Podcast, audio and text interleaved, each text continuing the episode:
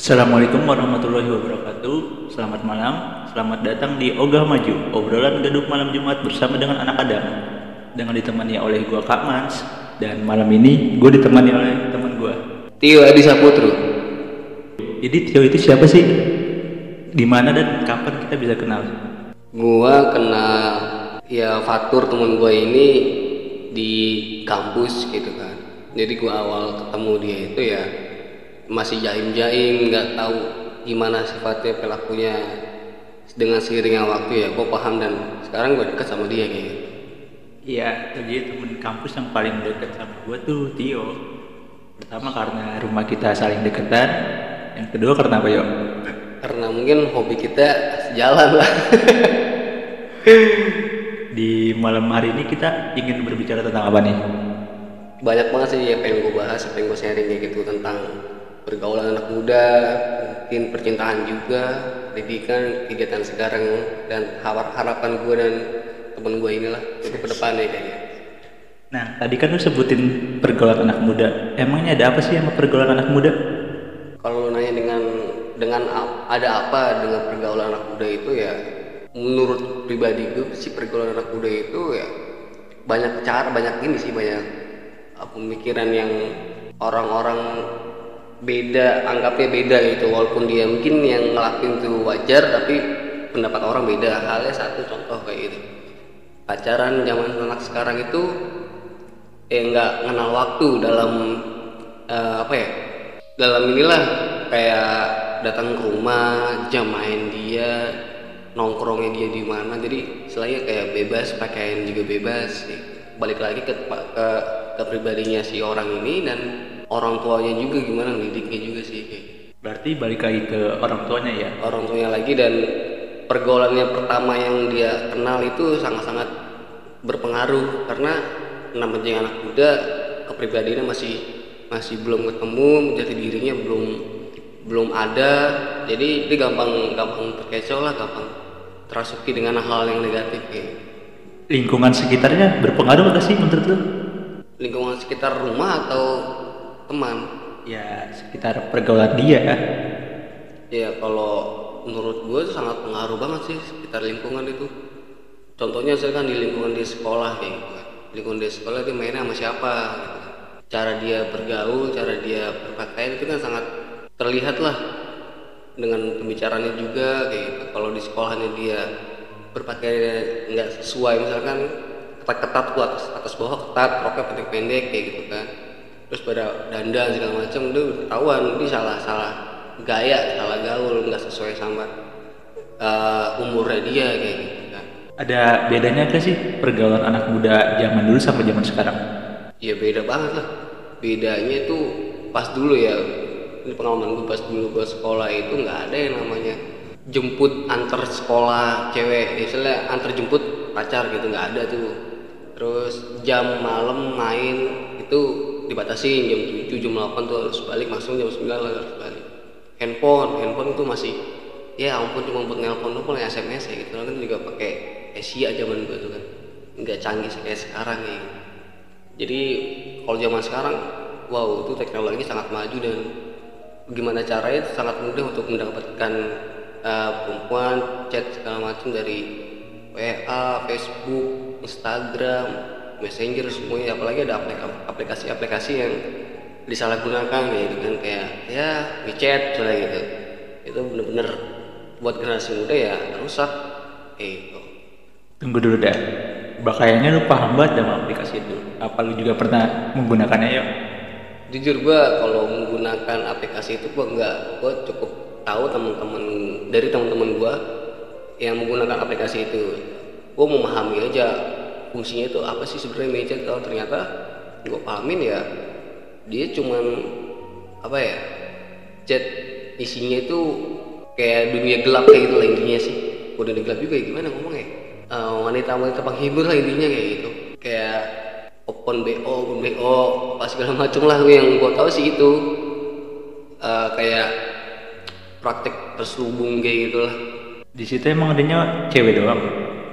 mungkin kata teman-teman gue juga nggak nggak cewek doang sih. Ada cowoknya cowoknya itu mungkin germonya atau calonnya.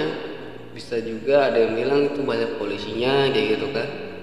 Untuk ngejebak si Germo atau pancingan-pancingan kayak gitu kayak gitu. Jadi pergaulan anak muda jam sekarang tuh udah bebas banget ya. bebas banget bebas banget.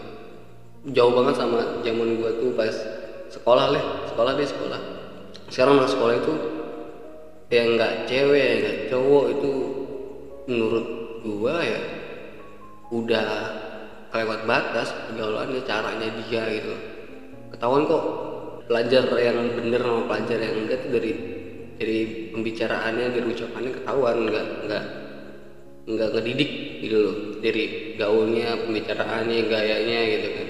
Pada songong-songong pada sengah-sengah terus pada berani gitu kan berani dalam hal ya berani dalam berpakaian keluar malam keliuran pulang pagi segala macem kayak gitu. Gabung nongkrong sama cowok-cowok kayak gitu. Ya begitu deh. Contoh gambaran kayak gitu. Yang cowok-cowoknya juga kan juga kurang sopan kan. iya kurang sopan. Kurang sopannya dalam hal apa? kalau gua ya gua kan lahirannya ya udah mulai berumur lah gua kan. Contohnya teman gua aja sendiri kayak gitu. Masih baru lulus sekolah dah kayaknya itu pengalaman dia tuh kayak hampir sama kayak gua gitu loh pas gua sekolah gitu jadinya kayak ngelongkap ngelongkap jauh banget pengalaman dia tuh di kehidupan dia. Kayak dia mengenal tempat-tempat dugem dia udah mengenal minuman keras dia udah udah rasakan hal-hal yang belum perlu dia tahu rasakan kayak gitu kan. Dia sudah semua sedangkan gue nggak se ekstrem itu pas sekolah kayak gitu Tapi lu pernah masuk ke dunia itu nggak? Dunia gelap? jujur kalau lo nanya begitu ya pasti gue udah pernah karena gue bisa jawab ya karena gue udah pernah ngerasain gitu kan gimana sih dunia eh, tentang yang dilarang lah yang bukan bukan bukan untuk manusia yang dibilang bener lah kayak gitu kan dari dugem gue pernah dari obat-obatan yang bisa disebut kayak pil-pil gitu lah eksimer, tramadol, alkohol, wanita juga pernah gua gitu kan. udah pernah gua rasain lah kecuali eh, ini loh apa obat-obatan narkotika kayak narkoba, sabu, ganja itu gua belum pernah sama sekali dan gua nggak mau karena menurut gua itu terlalu ekstrim lah buat buat badan gua buat pengalaman gua kayak gitu. dan kehidupan gua nanti ya Berarti ibaratnya lu masuk ke dunia gelap masih tingkatan satu ya? masih tingkatan satu lah masih standar lah belum sampai terjun dalam banget enggak Nah, cara lu buat keluar dari situ gimana? cara gua keluar intinya gini deh dari badan diri masing-masing aja nih dari prinsip misalnya prinsip hidupnya dia kayak gitu jadi setiap manusia kan pasti eh, pola pikir dan kepribadian beda-beda kalau untungnya kalau gua itu masih punya prinsip di kehidupan gua dan gua tuh bisa begini gue boleh gaul boleh bandel tapi nggak sampai ngerugiin ngerugikan gue seumur hidup kayak gitu. Jangan sampai bandelnya gue ini yang gue rugi seumur hidup dan maluin keluarga besar gue kayak gitu. Jadi gue bandelnya pun gue pinter nggak sampai orang tua gue tahu mainnya bersih kayak gitu dan ya itu gue nggak nggak ngerugiin orang lain apalagi keluarga gue enggak kayak gitu Berarti lu masih bisa ngerem ya? Masih bisa menjaga nama baik keluarga lu? ya gue masih bisa ngerem gue masih bisa apa ya nggak terlalu ekstrim banget gue masih bisa ah enggak ah gue lagi pengen ya pengen sewajarnya kalau enggak mau ya enggak kayak gitu. Nah, di pergaulan zaman sekarang kan tuh rata-rata anak mudanya pada make gadget ya. Menurut lu seberapa pengaruhnya sih gadget sama pergaulan anak muda zaman sekarang? kalau gadget itu sebenarnya ada plusnya dan minusnya tergantung si pemakaiannya gitu.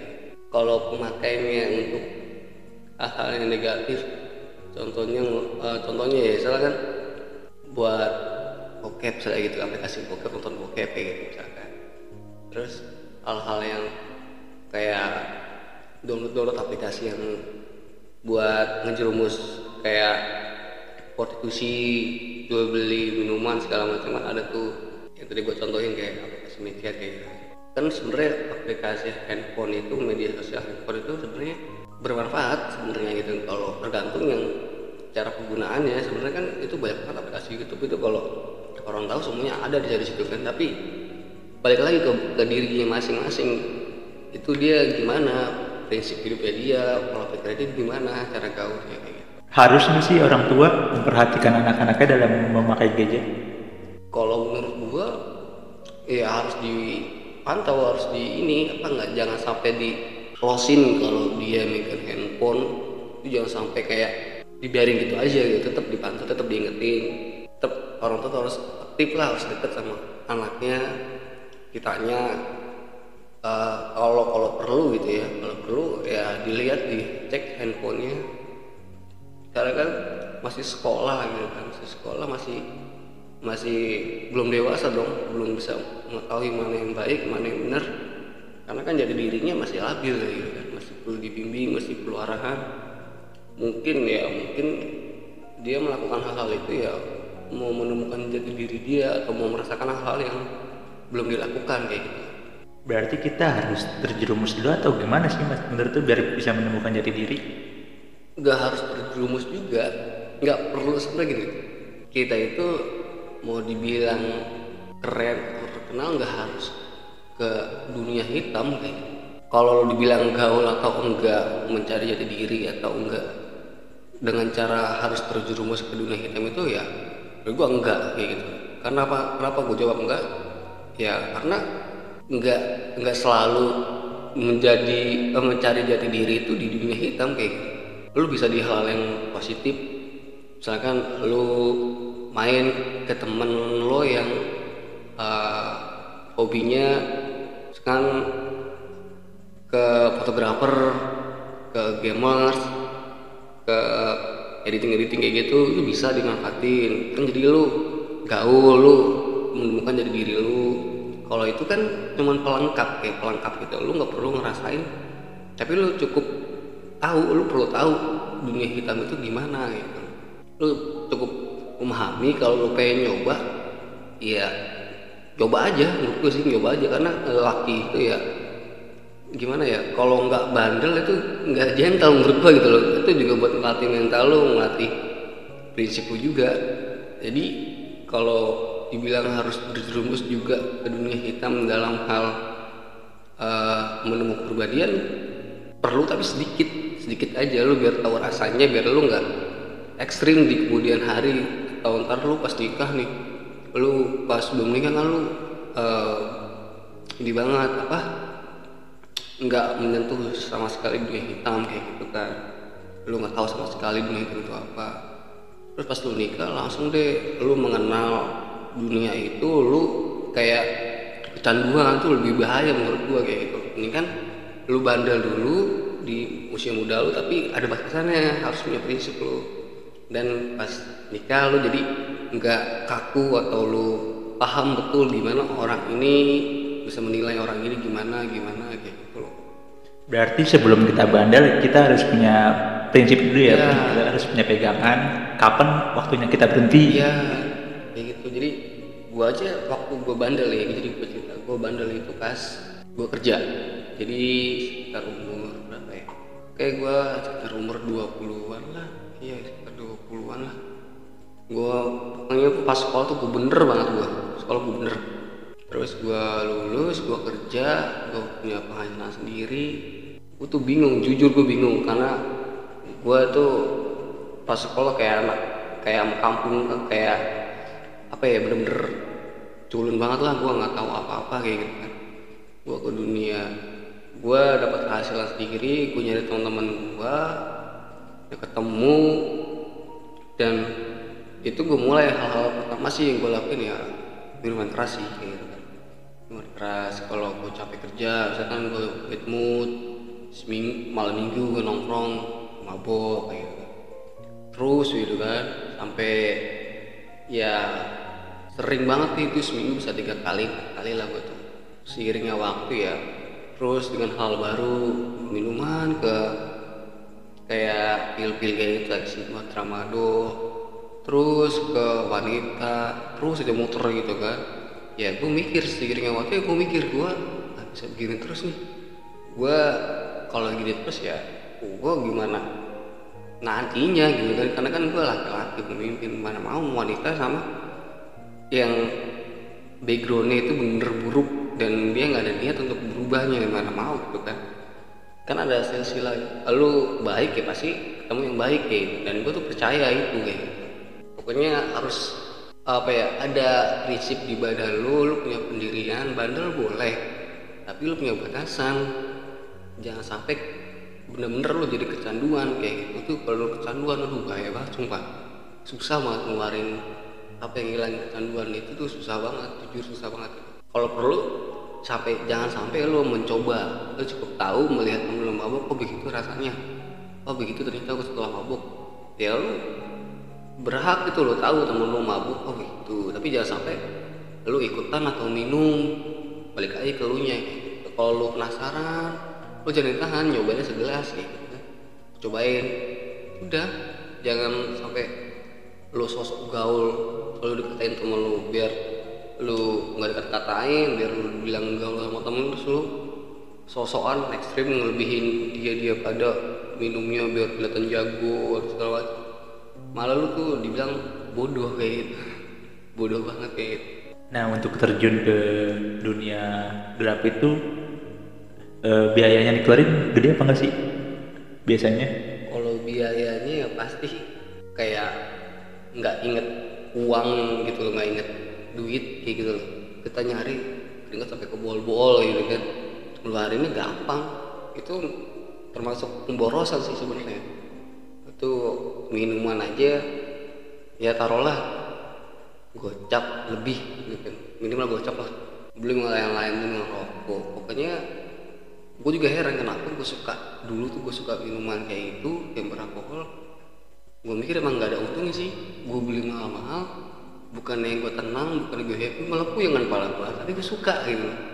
Kadang gue mikir emang ya itu hukum alam gitu kan. Itu hukum alam pasti ada titik sadarnya kok tergantung orangnya. Baik tergantung orangnya kalau dia masih terbelenggu dengan lingkaran hitam dengan tantamannya yang masih pemakai pil masih berminum minuman alkohol ya dia nggak bakal bisa keluar dari zona itu kalau nggak dia kalau dia sendiri nggak mau kabur nggak mau apa ya lepas dari lingkungan dia kayak gitu Lu untuk meninggalkan itu perlahan-lahan apa langsung sekaligus? ya? gue meninggalkan hal itu ya perlahan-lahan perlahan-lahan bener-bener berat banget gue dan itu butuh proses waktu kayak gitu nggak sebentar waktu ya yang gue lakuin pertama kali itu gue jarang main. Gue jarang main jarang nongkrong sama temen-temen gue yang dulunya itu nemenin gue minum jarang main jarang ngumpul. Gue selalu nolak selalu nolak selalu nggak bisa untuk nongkrong sama dia. Gue perlahan-lahan yang gue lakuin gue pindah pindah kontrakan. Gue sempet kontrak gitu kan. Gue pindah kontrakan malah gue sekarang nggak kontrak lagi. Gue sekarang pulang balik sama ibu gue tinggal tidur di sana. Terus gue ketemu wanita tuh wanita yang emang dari pas gue terjun di bandelnya itu ada dia yang ngertiin gue gitu. Jadi dia tahu ya. tahu banget. Awalnya sih adik kakak awalnya dan menurut gue tuh dia hadir sangat berarti buat gue untuk perubahan gue sampai saat ini kayak gitu. Dia itu bisa bisa nahan gue dia bisa apa yang ngelarang gue dia berani sama gue kayak gitu. Untuk melarang hal-hal yang negatif yang enggak harus gue lakuin dengan umur gue sekarang. Emangnya cewek-cewek lu sebelumnya kagak ada yang seperti itu?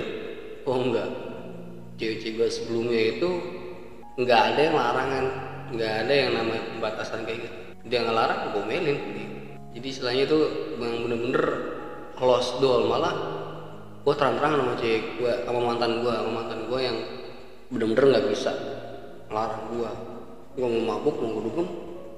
Dia tahu gue kasih tahu malah. Dia marah nggak suka.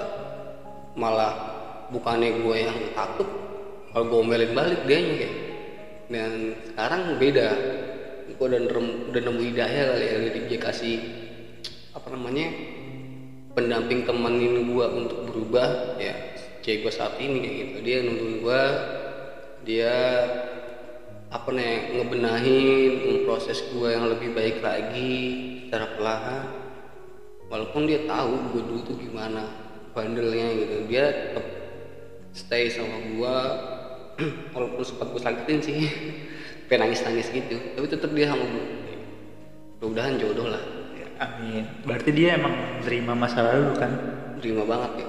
Terima banget. Dia tahu semua mantan mantan gua siapa aja tahu deh. Apal banget ya. Tadi kan lu sempat ngomong masuk ke dunia gelap itu untuk melatih mental. Maksudnya melatih mental apa ya? Dalam hal apa? melatih mental untuk menimbulkan rasa percaya diri laki-laki itu gimana ya laki-laki itu biar nggak kelihatan cupu lah lu di sana kan terjun di dunia gelap itu di sana tempat-tempat orang yang istilahnya otaknya itu udah nggak nggak fokus lah istilahnya. Udah nggak jernih lagi kayak melatih mental lu udah mati ya mati. Latih ini apa keberanian lu kayak gitu. Melatih keberanian melatih pembicaraan lu sikap lu. Jadi kan kalau mabuk itu nggak sadar otak lu. Jadi ya lu gimana caranya biar walau biar lu mabuk walaupun lu mabuk kayak gitu lu tetap hormatin orang lain di situ lu tetap hormatin teman-teman lu yang lagi mabuk bareng sama lu. Jadi lu kayak ke program sendiri. Jadi lu tahu kondisinya saat ini lu lagi mabuk tapi gimana caranya biar gua nggak nggak terjadi masalah atau nggak terjadi apa-apa sama diri lu sendiri kayak gitu. Bener nggak sih kalau mabuk itu bisa membuka pikiran kita? sebenarnya sih sedikit ya sedikit bisa sedikit bisa. Ada hal yang gue paling suka dari mabuk itu andai kan gue sekarang lagi mabuk sama teman-teman gue sama sahabat gue yang gue deket yang gue percaya gitu. Itu bisa otomatis lu kayak buka omongan lu buka cerita curhat lah intinya curhat bener-bener curhat.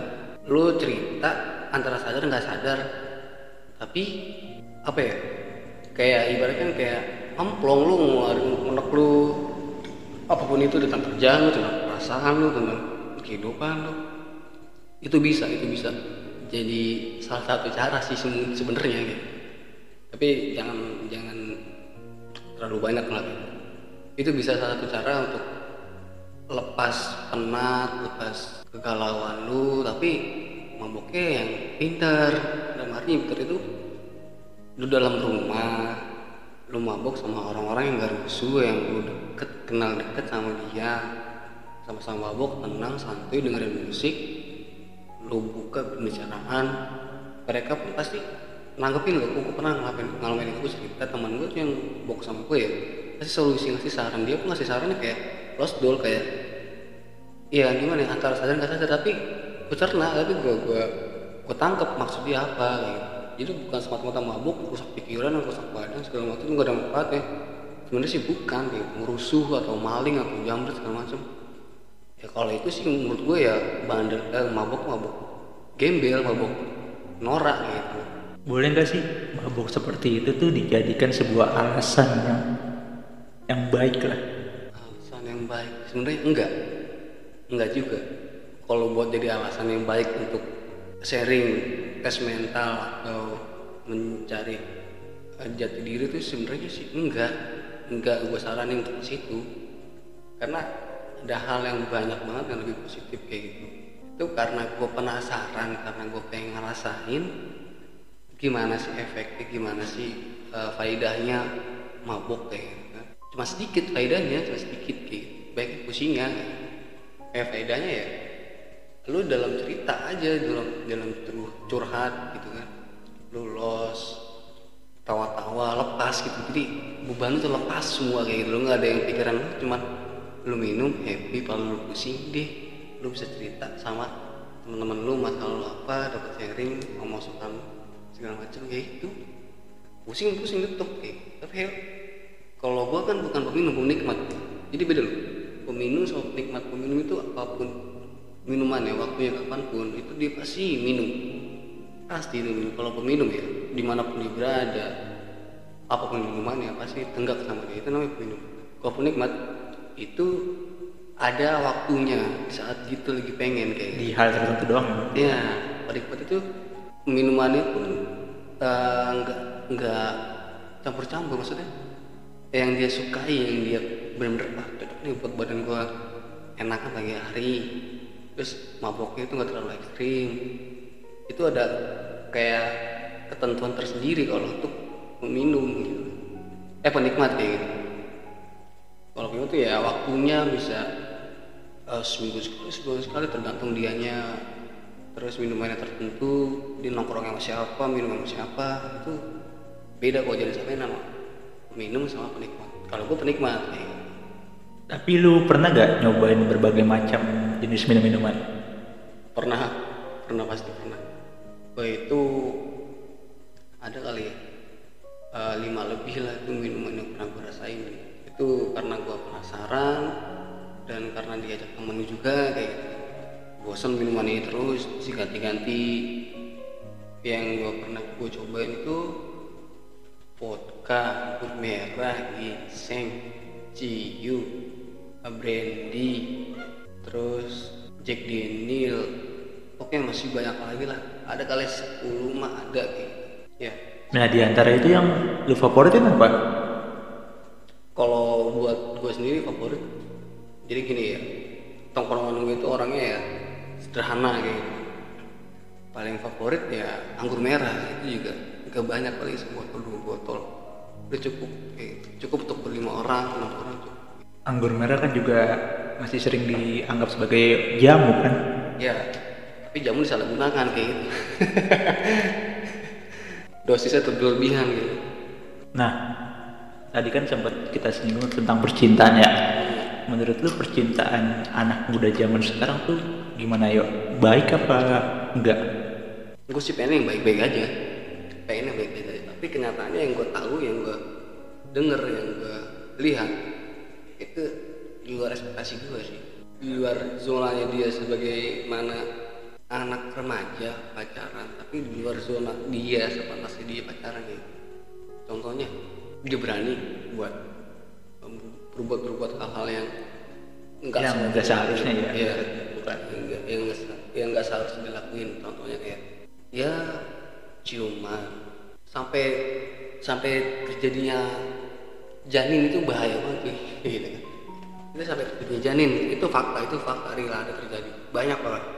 Enggak tuh Iya. Banyak emang di sekitar gue juga yang waktu zaman sekolah temen-temen gue tuh banyak yang kagak lanjut gara-gara begitu. Iya, ya pengawasan dari orang tuanya jam pergaulan si dia nempatin badannya itu gaulnya di mana? Sangat berpengaruh. Ini ingat ya? Gimana? Jadi gini loh kita itu tergantung kita pengen baik gampang. Tergantung dirinya kita sendiri kita mau bawa ke mana. Arahnya saya kita gabungnya sama orang-orang yang kutu buku gitu. Yang suka ilmu kita main sama dia.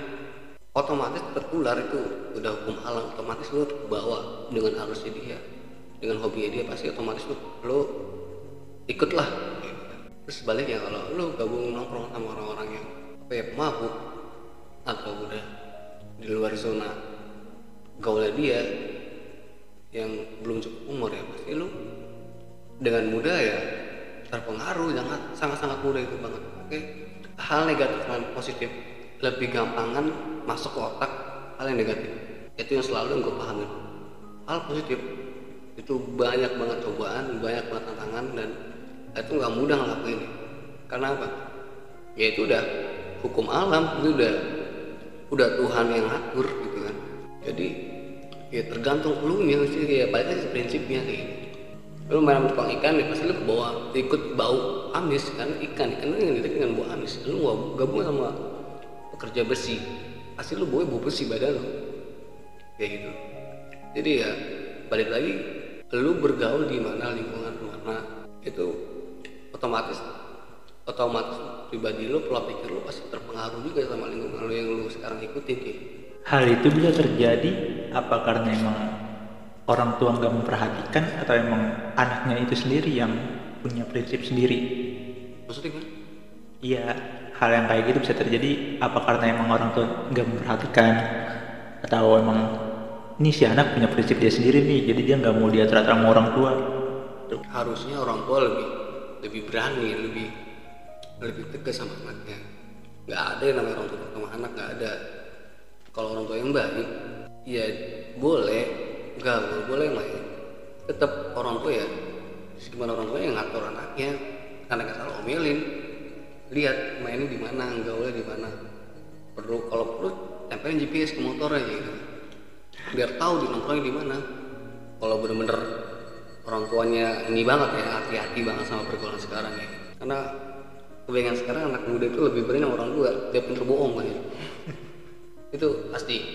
Nah emangnya hubungan yang baik dan sehat itu menurut lu kayak gimana ya? ditaruh Aduh konteksnya udah beda. ya bener ya sewajarnya soalnya lu datang ke rumahnya. Lu datang ke rumahnya. Lu ketemu sama orang tuanya. Lu sapa sama orang tuanya. Misalnya lu basa basi orang tua itu sangat sensitif dengan hal-hal yang menurut pertama kali dia lihat itu nggak baik. Lu so terus ya mulai dalam rumah itu pasti dianggap dia nggak baik. Jadi itu sangat penting banget. Lu itu kalau lu punya pacar gimana caranya lu kelihatan jiwa-jiwa pribadi yang baik? Kayak gitu kan? Lu tunjukin rasa gentle, eh, gentleman lu lu datangin ke rumah lu lu assalamualaikum lu sapa orang tuanya lu ajak ngobrol. Kalau lu berani kalau lu punya mental ya pasti orang tua itu pasti nanya lu pengen? Pasti orang tua tuh pengen tahu pacar si anak itu siapa. Pengen lihat pasti ngajak ngobrol pasti. Dan cara dia itu lebih pengalaman dalam memahami karakter karakteristik seorang gitu. Jadi kalau lu brengsek ketemu pacaran sama ibu-ibu anak yang waji atau anak yang soleha islami itu jangan harap orang tua yang bakal buluhin anaknya di bawah sama lu kayak gitu. Jangan harap. Jangan harap deh. Kayak gitu datangin ke rumah jangan di depan gang datangin ke rumah. Lu salam sama orang tuanya lu bilang mau ke mana yang jelas. Lu bilang mau ke mana baliknya harus juga jelas. Harus tepat waktu lu janji jam 9 balik ya jam 9 balik. Jangan sampai lewat jam 9 kayak gitu. ini lu gimana caranya lu uh, dipercayain sama orang tua si bokil lu? Intinya jangan kecewain aja jangan jangan bohong. Pertama kali lu bilang jam 9 pak saya pulang. Mau lu ke mana? Ini bener mainnya yang mana? Jujur jangan lu bohongin. Ya, ya bohongin sekali lu balikan lebih dari jam 9 percaya sama gue besokannya langsung nggak boleh lu ke rumah kayak yakin gue Tapi kan ya di zaman sekarang ini kan kebanyakan tuh cewek takut banget kehilangan cowoknya. Jadi apa pun dia pasti bakal dia lakukan seperti berbohong sama orang tuanya lah, eh, izinnya mau pergi sama siapa, ke mana ternyata, ternyata faktanya beda. Itu gimana ya? itu udah intinya udah kedoktrin sama cowoknya udah udah udah kesuntik lah pikirannya dia sama si cowoknya itu. Karena dia pribadinya masih tergoyah masih apa ya dirayu-rayu sama cowok hal-hal yang udah sih yang bohong aja. Kita mau ke sini bilang aja kamu mau nginep di rumah teman kamu yang cewek. Belum cowoknya itu brengsek namanya anjir. Itu parah itu itu banyak banget terjadi. Berarti cowok yang kayak gitu ya eh, harus ditinggalin apa ya? itu ada masa-masanya tuh itu ada masa-masanya di saat itu pasti sadar kok sadar kayak ada masa-masanya di saat itu dia nggak boleh seperti ini kayak gitu.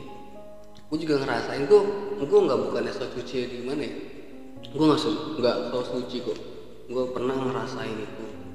Tapi dengan seiring waktu lu dewasa lu tumbuh dengan sendirinya dengan pengalaman lu dengan kehidupan lu pasti lu bakal berubah kok pola pikir lu. Pasti lu nggak mungkin uh, ngelakuin hal-hal yang bener-bener nggak sepantasnya lagi lu lakuin kayak gitu.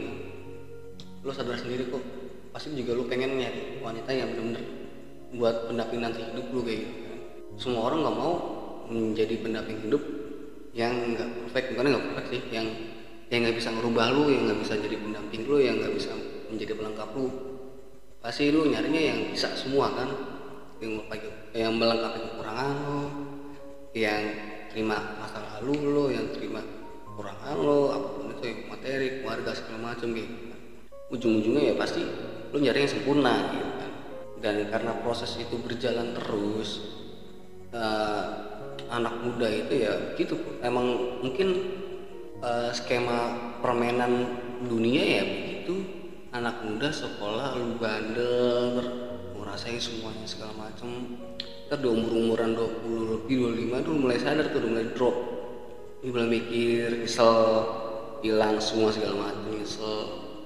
Ya kalau lo semakin ekstrim pas bandel lo ya semakin susah juga lo bangkit semakin berat juga lo untuk merubah diri lo kayak gitu lo harus butuh orang yang bisa merubah lo lo nggak bakal bisa sendiri kayak gitu nggak bakal bisa. Lo butuh support intinya lo butuh support. Menurut lu si cewek itu harus bisa membantu mengubah si cowoknya apa dia harus menunggu cowoknya berubah sendiri? Enggak, cowok itu susah sih. Cowok itu tipikalnya batu. Kali ketemu zona nyamannya dia. Cowok itu batu. Itu harus cewek. Itu harus cewek. Karena apa? Kalau dia si cowok ini sayang sama lu, dia nurut sama lu demi hal yang baik. Selain gini, eh, si cowok ini mau main. Nah lu tahu nih, dia main sama si A. Si A ini pemabuk kayak gitu lu larang nih si cowok main ke sana tapi si cowok lu nggak terima. Lu jangan lemah lu ancam dia langsung. Kalau lu ancam misalnya kan paling berat kan putus. Kalau dia masih iya dia masih berani lu tinggalin. Berarti dia itu nggak bisa diajak bener kayak. Berarti dia apa ya masih dengan dunianya yang bikin dia Evan sebenarnya itu enggak banget sebenarnya ya udahlah cukup kayak gitu kan. Gue pengen mencoba berubah menarik untuk lebih- ke hal-hal yang baik tapi kalau si cowoknya itu masih ke dan berani kalau diancam putus masih berani lu tinggalin kayak gitu. Tinggalin. Itu tinggalin belum lu tinggalin nggak apa-apa. Nah, lu sendiri ada pesan gak yuk buat anak muda zaman sekarang? pesan gua berbanyak ilmu lah yang lebih bermanfaat lah. Jadi seenggaknya lu imbang lah imbang. Lu bandel lu sama kemampuan lu lah imbang kayak gitu. ibaratkan lu kalau nongkrong kalau gaul bahas apa aja lu paham lu ngerti. Karena lu pernah rasain lu pernah ke zona itu. Di balik itu lu seimbangin dengan skill lu dengan pengetahuan lu dengan ilmu lu yang bener-bener orang aneh. Kok lu pemabuk tapi kok tahu tentang hal ini? Kok lu uh, tatoan tapi lu tentang bisa tentang ngerti tentang politik kayak gitu. Istilahnya itu me, me- mencairkan me, apa ya ngeblurin uh, masa kelam lu dengan hal-hal yang positif lagi dengan ilmu lu pengetahuan lu dengan skill lu kayak gitu. Jadi ibaratkan ya kita nggak bisa ngejudge kalau dia dulu pemabok dia nggak bisa apa-apa nggak bisa kayak gitu. Selainnya itu manusia diciptakan dengan paling sempurna gitu ya itu udah jalannya dia. Kalau dia begitu ya lu jangan ngeremehin jangan ngejudge atau ngerendahin dia kalau dia pemabuk. Gak usah ditemenin gak ada apa-apa gak ada otaknya. Malah lu yang gak ada otaknya. Gitu. karena apa ya? Manusia itu ya manusia paling sempurna. Nggak bisa lu menilai dia dari masa lalunya dia kayak gitu. Ya intinya harus imbang. Lu bandel boleh tapi lu ilmu lu juga ada pesan gua. Itu satu. Yang kedua lu itu harus punya pendirian. Bandel boleh pendirian lu pendirian udah mati lu batas bandel lu sampai mana kayak sampai umur berapa sampai mana kayak lu harus punya prinsip punya pendirian dari diri lu sendiri. Kalau lu nggak punya punya prinsip punya pendirian los itu aja selesai lu bener deh. Karena dunia hitam itu sangat jahat gitu. Awalnya mabuk wanita bil ujungnya narkoba terapa? Lalu dijebak terus apa lu kecanduan terus apa lu gak punya kehidupan terus apa lagi? Lu dijual sama orang. Terus apa keluarga lu nggak nganggap lu anak lagi. Terus apa lagi? Eh lu nggak punya masa depan. Hancur hidup lu. Serius? Hancur hidup lu. Kalau nggak punya pendirian kalau nggak punya prinsip dalam hidup kayak bandel boleh bandel. Nggak ada semua semua orang itu pasti ada sisi buruk gue pasti ada sisi kelamnya nggak ada manusia yang suci benar-benar suci kayak lahir itu nggak ada. Pasti itu ada. Buruk ada busuk pasti kayak gitu. Tapi kan dia punya pendirian tapi dia kan dia punya pola pikir yang berbeda. Cukup merasakan tahu oke stop. Itu itu satu prinsip hidup. Yang ketiga itu pola pikir cara pacaran deh kayak gitu deh. Mindset lu dalam pacaran. Gue suka heran sama uh, yang gue pernah denger yang gue tahu. Jadi gini kalau si cewek itu nggak mau lepas lu pakai gue gue sering banget denger banget itu. Prinsip-prinsipnya gitu. Jadi itu sangat-sangat tolol itu itu binatang namanya. Jadi lu pacarin si cewek ini cakep semok lu jadi ya terus lu nggak mau ngelepas dia lu pakai gitu kan. Terus lu tinggal kan goblok kayak gitu kan. Selain lu kasih kasih kasih ke teman-teman lu jangan. Lu hargailah wanita itu. Lu hargai jadi mindset tuh lu berubah dirubah lah mindset tuh. Wanita itu wanita suci cuy. Itu penerus bibit-bibit. Nanti lu lu pada kayak gitu kan. Itu wanita yang bener-bener ya salah satu wanita suci salah satu wanita yang bener-bener di dilindungi gitu. Wajib sayangin gitu wajib di, dikasihi wajib di dilindungin lah jadi lu jangan semena-mena mempermainkan perasaan wanita dan lu punya mindset pakai aja biar nggak biar nggak kabur ya. Itu goblok banget sih ya caranya dia nggak kabur ya? Lu kasih dia perhatian lu kasih dia motivasi lu kasih dia apa ya kenyamanan yang penting gitu loh selainnya itu dalam hubungan itu yang bikin awet. Suatu hubungan ya pasti kenyamanan utama itu kenyamanan bukan masalah dipakai dulu tuh. Kagak itu goblok itu nantinya kalau pasangan udah sama-sama nyaman udah sama-sama uh, ada chemistry-nya feeling yang kuat komunikasi yang bagus walaupun apa ya nggak ganteng nggak cantik nggak pinter atau nggak kaya dengan kenyaman itu semuanya lengkap cuy. Serius. Intinya lu mau menjalin hubungan itu ya intinya lu cari kenyamanan lu bisa saling motivasi lu bisa saling support lu bisa saling melengkapi dengan kekurangan masing-masing. Itu namanya hubungan yang baik yang sehat kayak gitu loh. Bukan mindsetnya dipakai dulu. Ntar dia nggak bakal lepas itu salah banget salah besar banget. Itu istilahnya itu zina jatuhnya gitu kan. Lu bener-bener parah itu cuy. Parah rusak apa namanya anak orang. gitu posisinya ya kayak lu aja deh lu punya anak cewek lu punya adik cewek udah dewasa dipacarin sama orang dipakai ditinggal gimana perasaan lu sebagai kan sakit aja kan? Eh jangan sampai lu lakuin ke orang lain kalau lu tahu hasilnya gimana rasanya gimana digituin cuy gitu. tapi kan nyatanya banyak kan cowok justru memanfaatkan kenyamanan wanita untuk bisa memakai wanita itu eh tergantung lagi orang ya kalau wanita itu mancing-mancing atau wanitanya itu apa ya menggoda si laki-lakinya walaupun laki-lakinya ada bertahan cukup sabar atau nahan kayak gitu ya gimana ya? Susah juga sih. Takutnya setan tuh datangnya dari mana aja kayak gitu gue nggak bisa nggak bisa nebak gimana gimana kalau si ceweknya ini uh, malah seagresif si cowoknya gitu kan. Dan itu gimana reaksi si cowoknya harusnya gimana? Susah cuy itu. Setelah kucing dikasihkan asin gimana sih? Kita ini diubur terus kayak gitu kan. Apalagi malah ditawarin atau digoda kayak gitu. Susah untuk menolaknya kayak gitu. Balik lagi ke orang ya.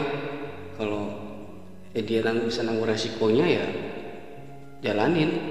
Gaspol tarik sis kayak gitu kan. Ya kalau ya ragu atau gimana cuma buat main-main doang ya jangan deh karena gue pernah pernah ngalamin kayak gitu. Pengalaman gue tuh pacaran sama yang lebih tua daripada gue umurnya. Itu di saat gue pas uh, bandel ya iya bandel. Jadi itu dia gue pacarin gue daripada gue dua tahun daripada gue lebih tua daripada gue dan awalnya gue nggak tahu tuh kalau dia udah udah melakukan uh, hubungan hubungan dewasa gitu lah sama orang lain bersama gue gitu kan. Ya gue pancing pancing akhirnya dia ternyata lebih beringas pada gue cuy. Dia lebih beringas pada gue dan gue ya ya gue lepas dah. Gue lepas. Gue nggak bisa terus sama dia. Dan sekarang alhamdulillah dia udah merit kayak gitu.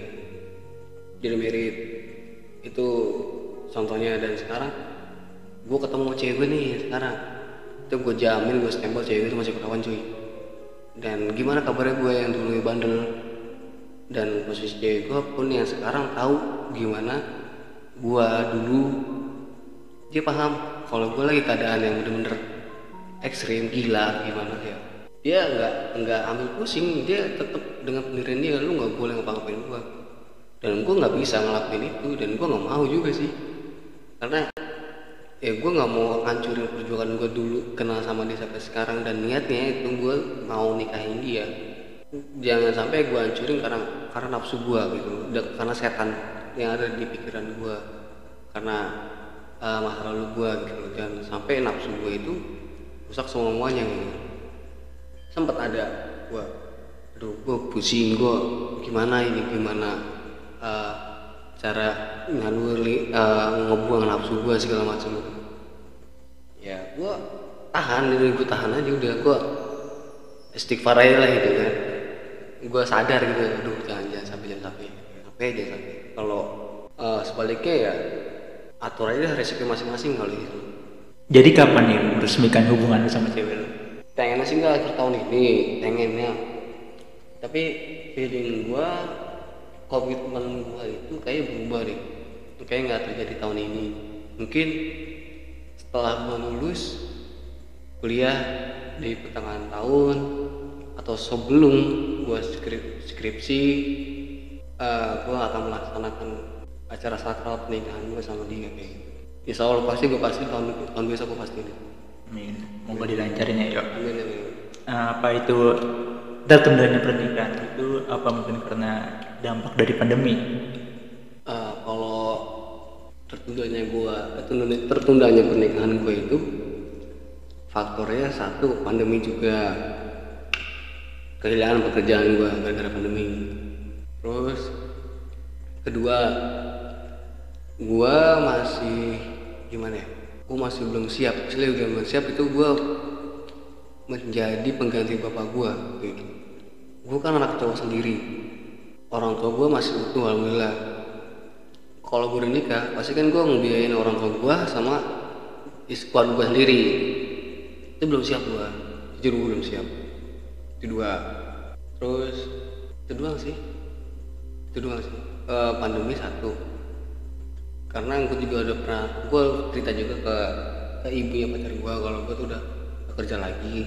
Alhamdulillah dia ngerti dan nggak maksa gue lagi alhamdulillah banget gitu kan.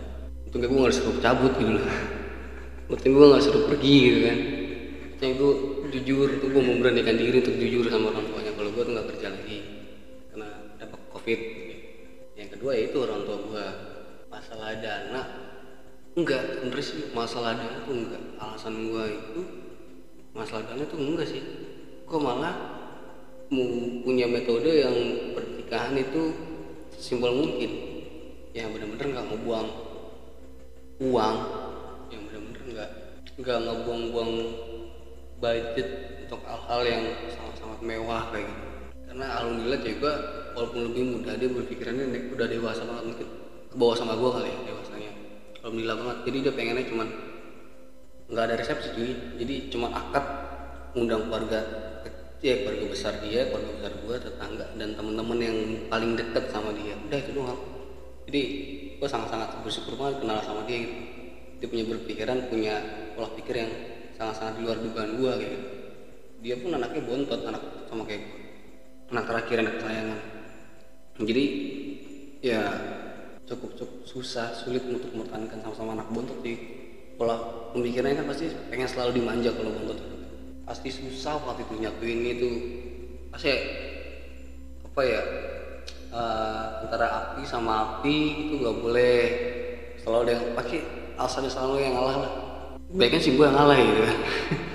Baiknya gue sih yang ngalah. Terkadang dia juga ngerti gue pun bontot juga pasti gue pengen apa gitu kan. Ya gua- jadi alasan itu gue batal ya karena ya itu dua itu bang Nah kan ngomong-ngomong tentang pandemi ini, kita kan udah gak kuliah tatap muka langsung secara eh sudah berlangsung selama setengah tahun lebih ya. Menurut lu enakan kuliah tatap muka apa online se- seperti sekarang sih? tetap muka lah. Karena kan tetap muka lah. Kalau online itu jadi banyakkan minusnya sih sebenarnya kalau tetap online. Eh kalau online virtual gitu ya.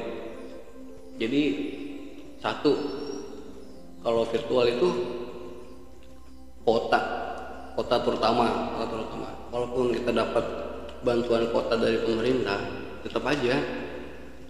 Jangka waktunya nggak sebanding sama uh, jangka waktu si kota ini nggak sebanding sama penggunaannya.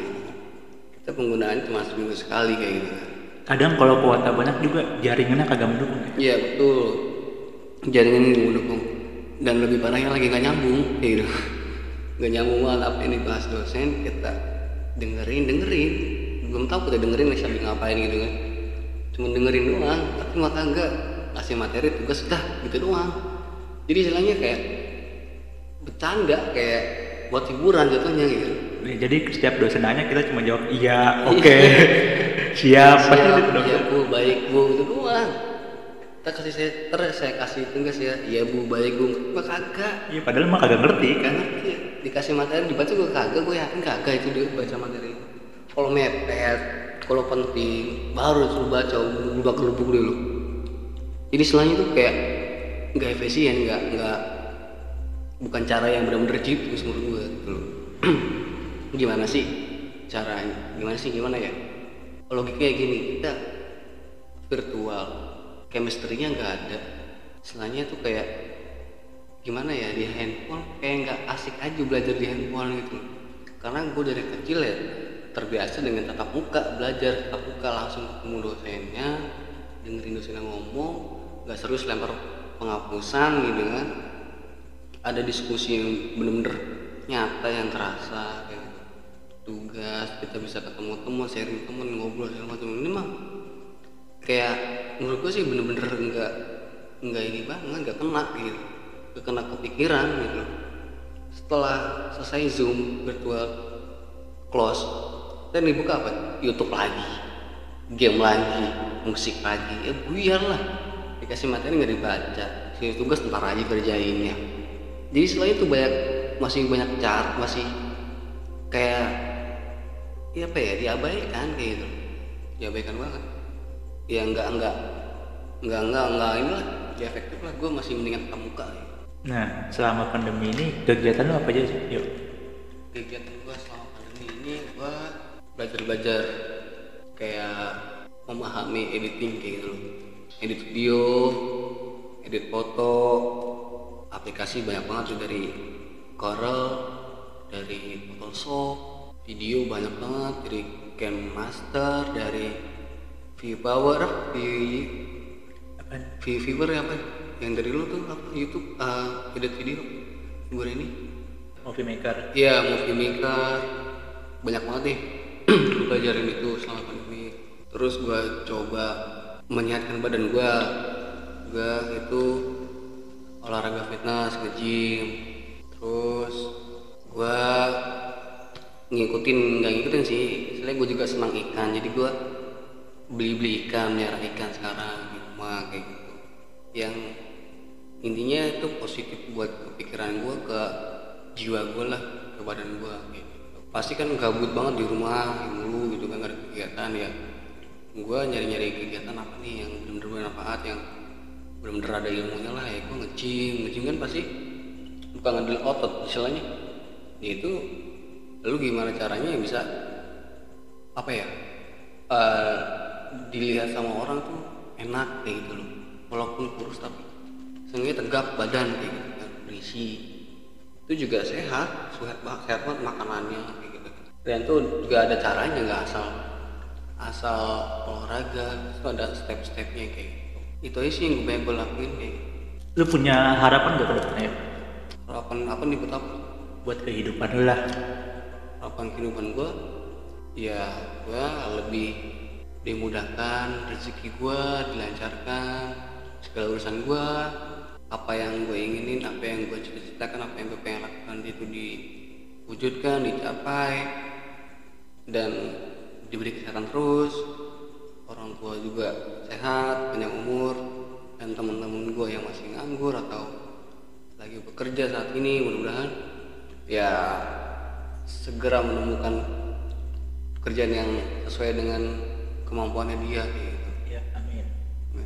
Ya untuk obrolan kita malam ini ada kesimpulan gak yuk kesimpulannya ya satu kayak kesimpulannya lu harus punya prinsip lu punya prinsip hidup punya komitmen hidup lu punya mindset yang terbuka yang positif buat kehidupan lu buat depan lu buat percintaan lu dah Nah terakhir nih gue punya, gue punya pertanyaan sama lu nih yo. Lu sama cewek lu udah berapa tahun yo? Pacaran ya?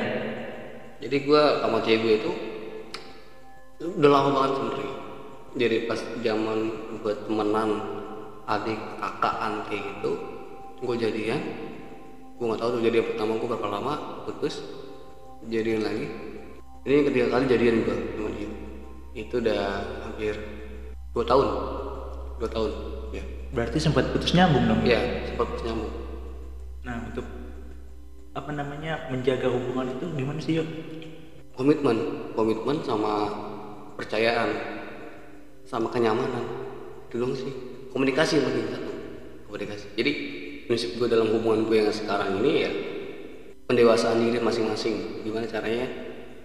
Uh, kita dewasa dalam hadapi sikap hal karena kehidupan kita bukan dia doang kayak gitu. masih banyak hal yang perlu kita lakukan kayak gitu pendewasaan satu komunikasi.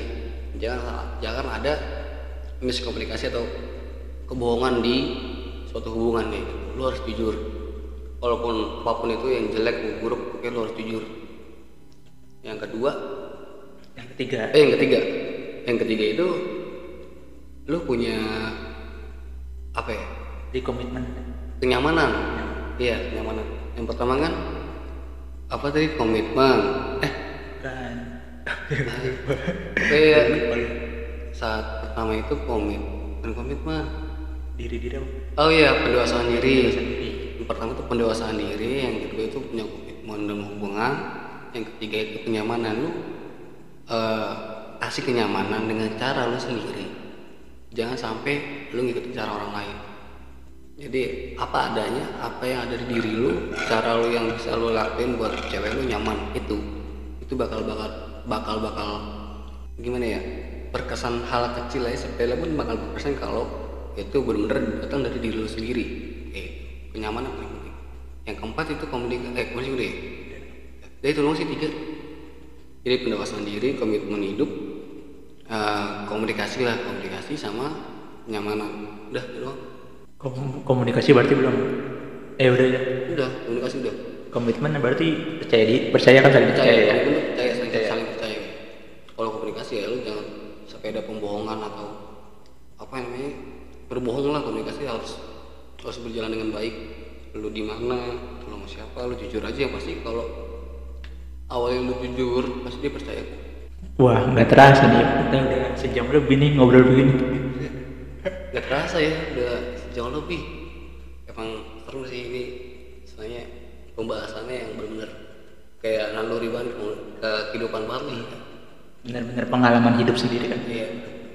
Nah, mungkin obrolan malam hari ini kita akhiri sampai sini ya. Mohon maaf apabila kita berdua ada kesalahan kata. Eh, Sampai bertemu di obrolan ogah maju berikutnya.